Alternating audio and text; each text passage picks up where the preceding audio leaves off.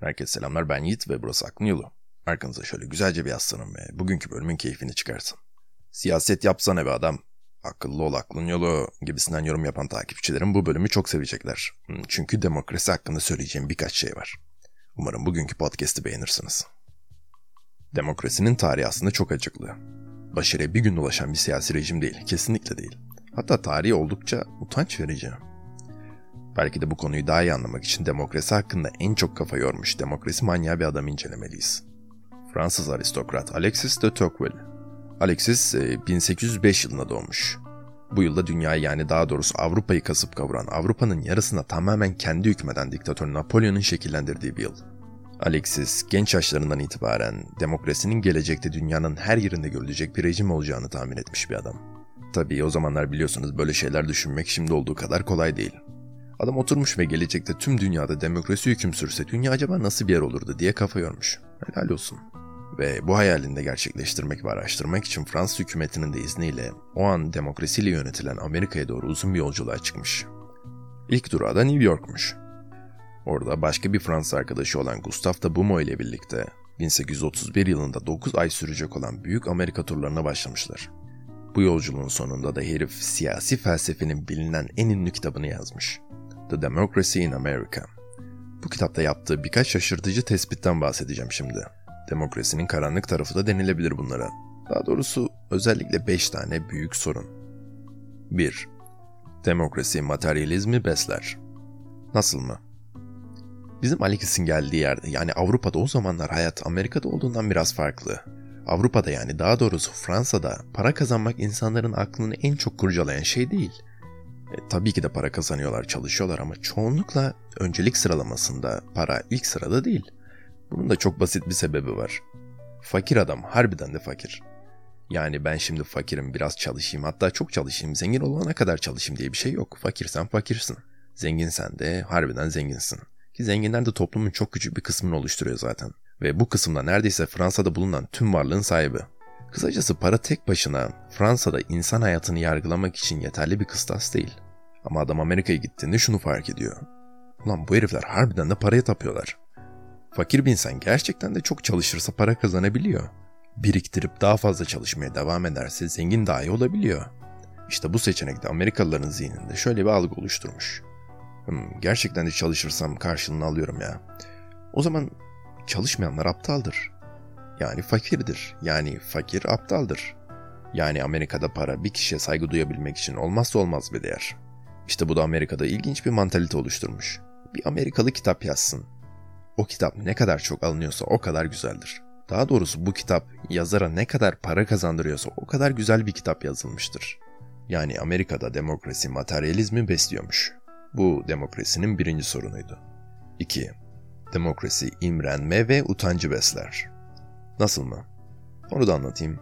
Bizim herifin yazdığı The Democracy in America kitabında şöyle bir başlık var. Amerikalılar neden refah içinde yaşıyor olmalarına rağmen huzursuzlar? Okey bu bir cepte dursun. Şunu soralım. İnsan neden huzursuz olur? E, tabii bunun birçok sebebi var ama en geniş açıdan, en geniş çerçeveden bakıldığında beklentiler karşılanmadığında insan huzursuz olur. Çünkü beklentilerinin karşılanması insana haz verir. İşte bizim adamımız da demokrasiden dolayı insanların beklentileri, yaşam standartlarının, yaşam beklentilerinin arttığı ve bu yüzden de o hedeflere ulaşmanın otomatik olarak zorlaşmasına dikkat çekmiş. E, bu beklentilerde karşılanmadığı zamanlarda huzursuzluk baş gösteriyor. Basit. Şöyle yazmış. Bütün bu ayrıcalıklar yani eşitlikten bahsediyorum insanlarda şöyle bir algı yaratmış. Her insan kanun altında eşittir. Bu yüzden herkes her mesleği yapabiliyor olması lazım. Değil mi mantıklı? İşte bu yüzden de bir sürü hayalperest kariyer manyağı oluşmuş. İşte American Dream dediğimiz şey. Fırsatlar ülkesi Amerika. E o zaman ÖSS de yok. Ama herkes en yüksek mevkiyi istiyor. Ne yapacaklar? Bir kişi bir şekilde o mesleği almayı başaracak ve diğeri de onu kıskanacak. Bu kadar basit. Öyle değil mi? Tamam demokraside herkes eşit ama bunun da bir sınırı var. Hiçbir zaman insanlık tamamen eşit olmayacak. Bunu da ben yazdım. Yiğit 2020 Bak komik olan şey şu. O zamanlar Avrupa'da insanların böyle bir eşitlik algısı yokmuş ki. Ya özgürsün ya kölesin. Özgürler kendi işlerinde eşit, köleler kendi arasında eşit. Demokraside eşitlik var deniyor ama hiyerarşi dediğimiz şey işleri karıştırıyor. Allah aşkına şimdi bizde de demokrasi var. Herkes eşit mi? Millet kanun önünde bile eşit değil. Neyse. Üçüncü soruna geçelim. Üçüncü sorun çoğunluk sorunu. Şu an ülkemizde demokrasi var. Sadece örnek vermek için söylüyorum bunu. İyi ya da kötü asla bu podcast'te siyasi olarak tartışmıyoruz. AK Parti hükümeti halkın yarısının oyunu toplayarak başa geçti. E bu da demek oluyor ki halkın diğer yarısı AK Parti'nin başa geçmesini istemiyor. Peki halkın diğer yarısı AK Parti'yi başta istemiyorsa AK Parti şu an nasıl başta? Veya burada gerçekten adalet var mı? İlginç bir argüman aslında değil mi? Dördüncü soruna geçelim. 4. İş argümanı. Dostumuz Amerika'da şunu fark etmiş. Eğer siyah değilseniz, herkes gibi 7 yıl tıp okuyarak doktor olabiliyorsunuz. Bizde de öyle. Herkes avukat.